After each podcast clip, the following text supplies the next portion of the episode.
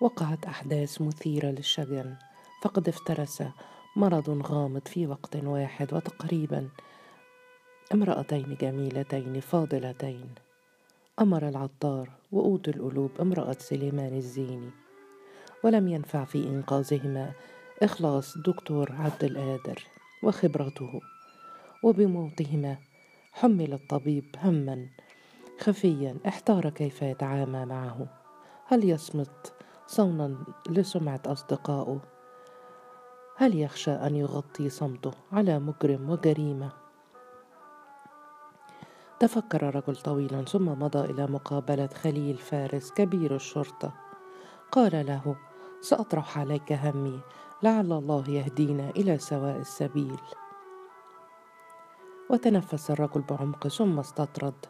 ليس مرضا ما أصاب قمر شقيقة حسن العطار وأوت القلوب امرأة سليمان الزيني. فقد تبين لي أنهما تناولتا سما قتلهما ببطء. تمتم كبير الشرطة باهتمام.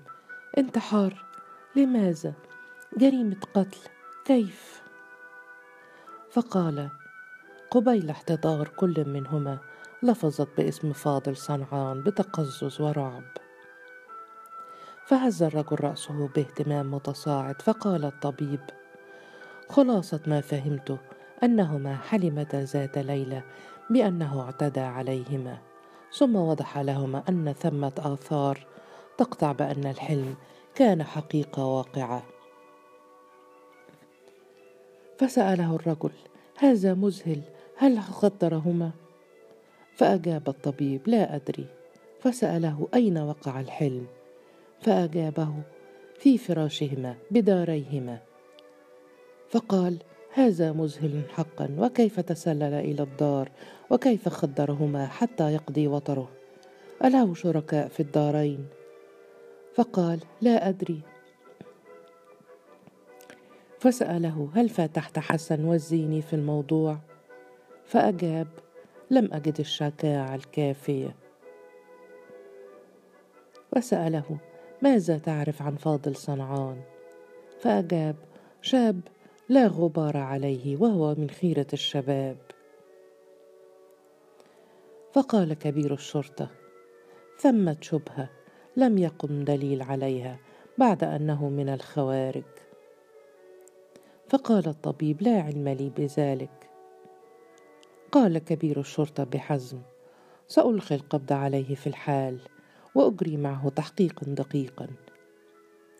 فقام عبد القادر قائلا لعلك تجري تحقيقك في كتمان رحمة بسمعة المرأتين. فقال خليل فارس دون مبالاة كشف الحقيقة هو ما يهمني في المقام الأول.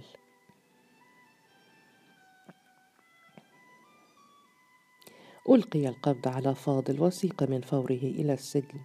اهتم حاكم الحي عباس الخليجي بالقضية واستدعي للقائه حسن العطار وسليمان الزيني وباغتهما بالسر الذي أشفق الطبيب من قذفهما به. كأن ضربة عنيفة أطاحت برأسيهما وهان بالقياس إليها الموت نفسه. أمر الرجل باستدعاء فاضل صنعان من السجن ليحقق معه. فجاءه خليل فارس وحده وهو يقول بخزي عظيم هرب المجرم ولا أثر له في السجن. فثار الحاكم ثورة جائحة وانهال على كبير الشرطة بالتقريع والاتهام فقال الرجل بحيرة ممزقة هروبه لغز لا حل له كأنه عمل عملا من أعمال السحر الأسود. فصرخ الحاكم بل إنه فضيحة ستزعزع أركان الثقة. وانطلق المخبرون في كل مكان كالجراد وجيء بأكرمان زوجة فاضل وحسنية أخته وأم السعد والدته ولكن التحقيق معهن لم يسفر عن شيء. وقالت أكرمان وهي تبكي زوجي أشرف الرجال ولا أصدق عنه كلمة سوء واحدة.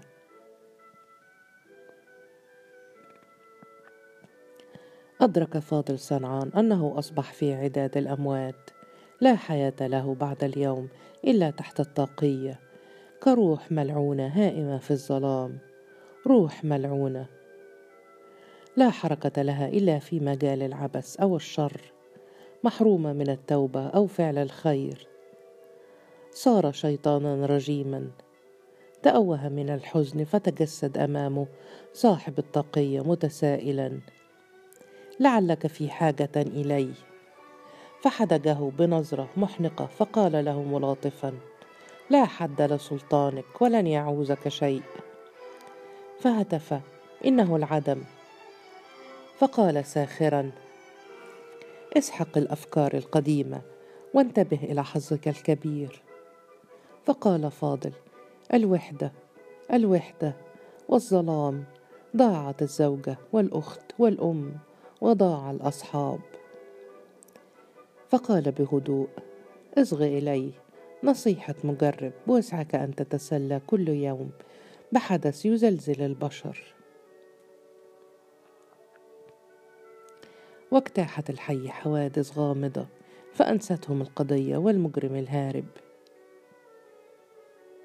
يدفع وجيه من فوق بغلته فيقع على الأرض. يصيب حجر رأس سامي. شكري كاتم السر فيشكه وهو بين حراسه. تختفي جواهر ثمينة من دار الحكم. تشتعل النار في وكالة الأخشاب. ينتشر العبث بالنساء في الأسواق.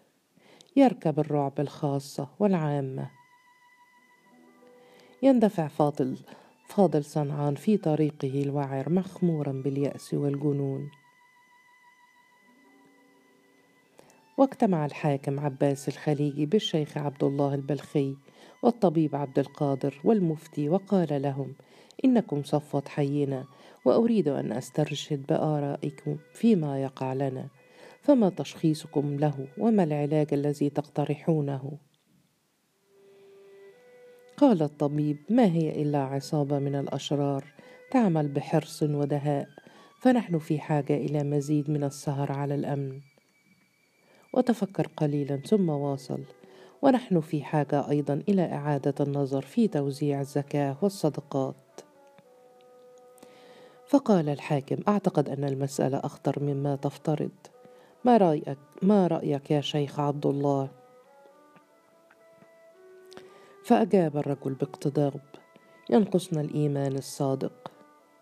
فقال الحاكم ولكن الناس مؤمنون. فقال بأسى كلا. الإيمان الصادق أنظر من العنقاء. عند ذاك قال المفتي بصوت خشن ثمة من يمارس علينا السحر الأسود ولا أتهم إلا الشيعة والخوارج.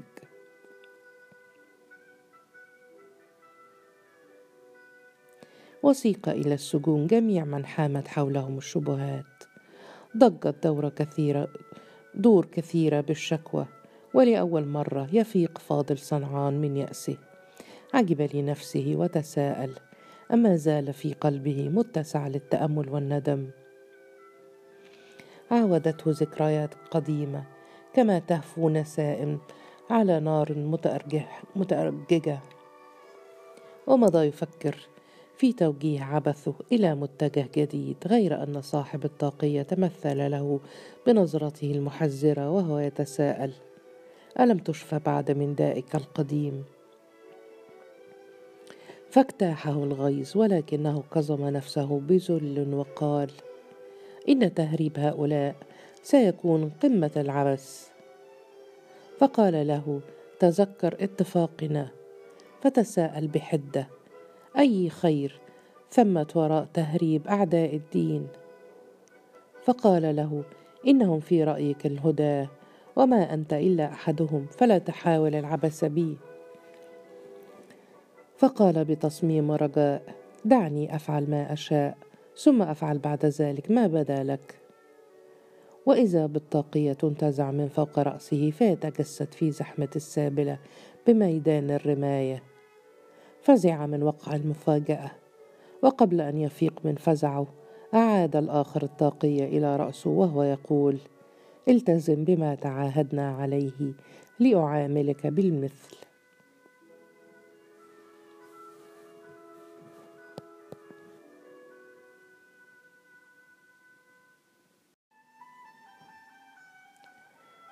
لم يسعد بالنجاة شاعت في مذاقه مرارة راسخة.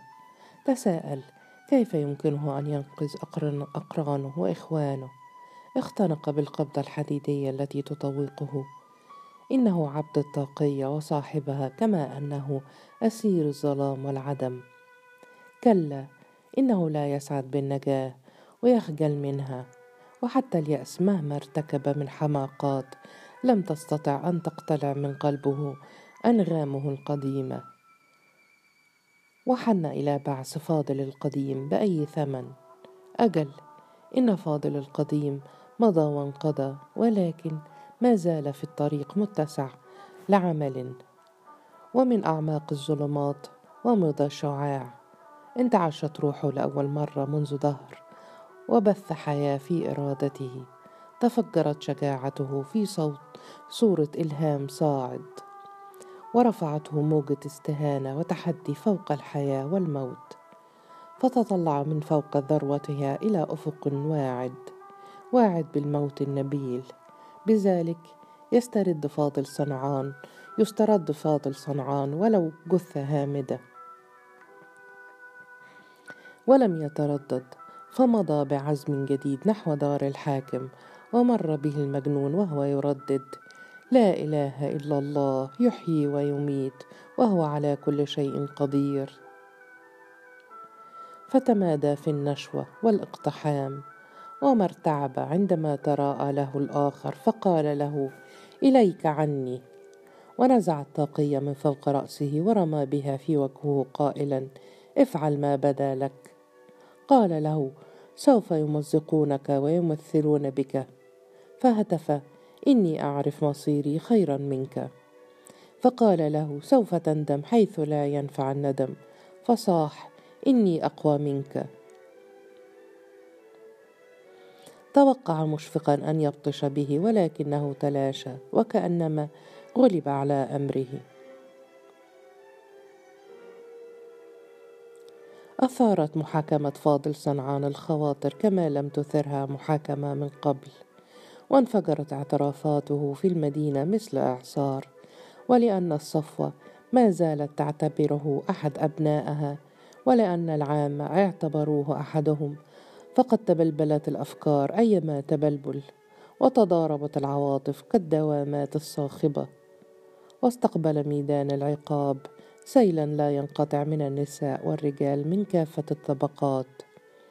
واختلطت همسات الإشفاق بصرخات الشماتة كما يختلط أنين الرباب بعربدة السكارى. ولما تراءى الشاب من بعيد استبقت إليه الأبصار تقدم بين حراسة بخطوات بين حراسه بخطوات ثابتة ووجه هادئ وامتثال خاشع. أمام النطع انهمرت عليه الذكريات في موجة واحدة متفجرة بالشهب. تماوجت وجوه أكرمان والبلخي وجمص البلطي وعبد الله الحمال والمجنون. التحم الحب والمغامرة ودفاتر الدعوة وآلاف اللقاءات المدثرة المدثرة بالظلام. وتبددت الطاقية وصاحبها كعثرة بلا قرار. يفوح من أعماقها الإغراء محطما قمقمه عن شهواته المكبوتة. وتجلى أخيرا نصرة المأساوي. جاذبا معه شبيب الرامي السياف. تلقى ذلك في ثوان بقوة خارقة وسرعة مذهلة. فرفض الأسى بإباء وواجه مصيره ببرود واستعلاء. فرأى فيما وراء الموت إشراقة تبهر الأعين ولكنه رأى أيضا معلما من معالم الآخرة. رأى المعلم سحلول تاجر المزادات والتحف. دهش لمرأة فأفاق من رؤيته وسأله ماذا جاء بك يا معلم؟ فأجاب وهو يتغير من النقيض إلى النقيض. جاء بي ما جاء بك؟ فهتف بدهشه أكبر أنت ملاك الموت. ولكنه لم يرد فقال في بشاعة أريد العدل. فقال بهدوء الله يفعل ما يشاء.